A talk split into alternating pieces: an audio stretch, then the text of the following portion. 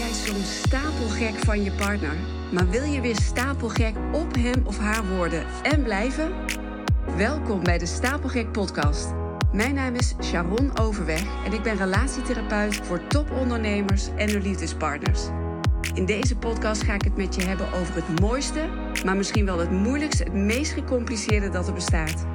Jawel, de liefde. Zoals je misschien al weet, je hebt het misschien al van mij gehoord of gelezen, richt ik mij op ondernemers. Op ondernemers en hun liefdespartners. Dat is de doelgroep waar ik me op richt en waar ik graag mee werk. En misschien heb je je wel eens afgevraagd waarom eigenlijk? Waarom richt je je überhaupt op een doelgroep? Nou, dat, dat uh, kan ik heel gemakkelijk uitleggen. Uh, dat deed ik in de eerste jaren deed ik dat niet. Dan gooide ik mijn hengeltje gewoon uit in de markt, zeg maar, naar buiten. En dan uh, dacht ik, ja, iedereen kan wel relatietherapie wellicht gebruiken. Hè? Waarom zou ik een doelgroep kiezen? Dus dan gooi je je hengeltje uit en dan is het maar afwachten welke visjes er aan je hengeltje of aan je aas knabbelen. Nou, en dan hè, zo, zo ben ik daarmee gestart. En ik merkte op dat het heel vaak de dat het ondernemers waren die bij mij op de stoel zaten. Toen dacht ik opeens van wat typisch. Maar ja, ik heb ook wel eens gehoord, je trekt aan wat bij je past. Ik kom zelf uit een ondernemersgezin, uit een ondernemersfamilie. Ik hou van een directe communicatiestijl. Ik, ja, dat, blijkbaar trekt dat aan. Dus toen iemand eens tegen mij zei van... Goh, zou je niet eens een keer een doelgroep kiezen, heel specifiek? Toen dacht ik, ja, dat is eigenlijk wel eens een goed idee. En ik had me ook met, op mensen met rood haar kunnen richten hoor. Maar hè, dan, dan, want wat gebeurt er als je je gaat richten op een specifieke doelgroep? Als jij kiest, dan word je ook gekozen. Het, het werkt als een magneet. Je stoot af. De mensen die zich niet aangesproken voelen, stoot je af. En mensen die zich wel aangesproken voelen, die trek je aan. Zo simpel is dat. En ik moet zeggen, ik heb heel veel affiniteit dus met deze doelgroep. Ik begrijp de dynamiek uh, bij ondernemers stellen heel erg goed. En dat heeft te maken met het feit dat ik begrijp dat een ondernemer niet tussen 9 en 5 werkt. Je bent vaak 24 uur per dag ondernemer. Dat betekent niet dat je 24 uur per dag werkt, maar je bent er wel vaak mee bezig. En dat, ja, dat kadert zich niet af tussen 9 en 5 wat een baan in loondienst vaak wel kan. En ook niet altijd, hè, natuurlijk niet. Ik bedoel, ik heb, uh, ik heb hiervoor ook in loondienst gewerkt. En dan was ik ook nog vaak s'avonds nog aan het werk of iets aan het bedenken voor de volgende dag. Dus zo zwart-wit is het allemaal niet. Maar ik begrijp gewoon die ondernemers heel erg goed. En ook hun partners. Want heel vaak is het nog heel erg traditioneel. Hè, dat die ondernemer. Uh, en ik chargeer ik, hè, dat is nog vaak dan de man. Natuurlijk, alles kan andersom. Dus als ik nu zeg man, kan het ook vrouw zijn. Vrouw, man. Nou, je begrijpt het. Maar goed, dan wordt het wel een heel ingewikkelde podcast. Ik, dus, maar ik merk gewoon in mijn praktijk dat het heel vaak dan de man, de bevlogen ondernemer, de, uh, is die 60, 70, misschien wel 80 uur per week werkt een partner heeft, nou laat ik dat nu de vrouw noemen, maar dat kan dan ook een man zijn of andersom, hè? Maar een vrouw die dan ook in die business werkt, of een eigen bedrijf heeft, of helemaal niet werkt bijvoorbeeld, en voor de kinderen zorgt. En die niet altijd maar begrijpt, en begrip, hè, begrijpt dat die ondernemer zo keihard werkt.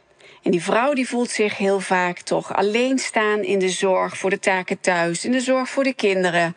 En die voelt zich niet op de eerste plaats staan. En die gaat, daar, ja, die, die gaat daarover klagen. En terecht. Die vrouw, die partner, die wil ook graag aandacht van haar man. En die man, die ondernemer, die zegt vervolgens: Ja, maar luister even. Ik werk niet alleen maar zo hard voor mezelf. Dat doe ik voor ons, voor jou, voor onze kinderen, voor ons gezin, voor onze toekomst. Dus kijk even hoe we wonen en de mooie vakanties die we maken. Dus er is geen erkenning voor beide, er is geen begrip. En nou ja, dat is vaak het startpunt dat mensen bij me komen. En dan, ik had laatst een man en die zei: Sharon, leg jij het haar nou even uit. Jij werkt ook veel met ondernemers. Leg nou even gewoon uit dat ik keihard werk voor ons, hè, voor ons gezin. Wij wonen in een schitterend huis, maken de mooiste reizen. Ze kan doen wat ze wil, shoppen, weekendjes weg met vriendinnen. Ik vind het ook allemaal goed, hè? Alles kan. We hebben het supergoed. Waar hebben we het hier over? Nou, zo begon het intakegesprek, onze kennismaking. En ik heb toen zijn putje helemaal laten leeglopen. Het zat hem heel hoog. Hè? En daarna gaf ik haar ook uh, ruimschoots het woord. En nou ja, het was, het was, ze zat er heel droevig bij. En En al vrij snel kwamen de tranen en ze zei van ja, we hebben het ook heel erg goed, hè, financieel gezien. En we wonen in een schitterend huis. Maar wat zou ik nou toch graag in een kleiner huis wonen als jij dan vaker thuis bent? Ik doe alles alleen. Ik zorg voor de kinderen. Ik stop ze in bad, het eten, de praktische zaken, de was. Ze hebben dan wel hulp, maar goed, iedereen weet, jij en ik, een huishouden, dat houdt niet op als je hulp hebt. Je moet hebben zelf dingen te doen. dus, maar zij zegt, soms voel ik me net een alleenstaande moeder die onderhouden wordt. Ik voel me super eenzaam, ik mis je. Hij keek mij zo aan met van die hoopvolle ogen en uh, hij dacht dat ik hem wel even zou redden. En ik zag dat zij ook steun bij mij zocht. En wat ik er dan van vond. Dus ik keek beiden aan en ik zeg: Ik begrijp jullie allebei zo ontzettend goed. Dit komt zoveel voor. Maar mijn vraag aan jullie is eigenlijk: willen jullie gelijk of geluk? En toen was het even stil. Toen keken ze me allebei aan en ja, er gebeurde echt wat. Want opeens hadden ze zoiets van: Jeetje, we zijn zo beland in die negatieve spiraal. We willen allebei gelijk hebben, maar natuurlijk willen we gelukkig zijn. En met elkaar. En we hebben een prachtige zin, maar zou het toch mogelijk zijn dat het anders kan? En weet je, en ik zei ook tegen haar van, als, als jullie bij mij gaan starten, ik ga niet aan hem vertellen wat hij moet doen en hoe vaak en hoe, hoe, hè, hoe vaak hij thuis moet zijn. Ik ben jullie moeder niet. Maar ik kan jullie wel vertellen, dat weet ik nu inmiddels uit ervaring, dat hij waarschijnlijk andere keuzes gaat maken.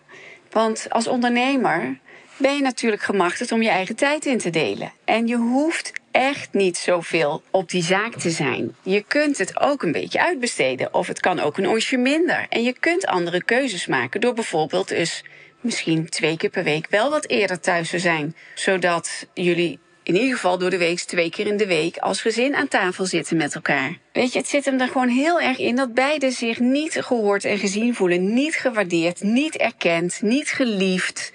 Er is geen erkenning. Dus ik gun ze zo ontzettend dat ze blikken van erkenning, met erkenning open gaan trekken. En ja, hoe doe je dat? Dat leer ik ze in mijn mooie traject Vitamine Liefde.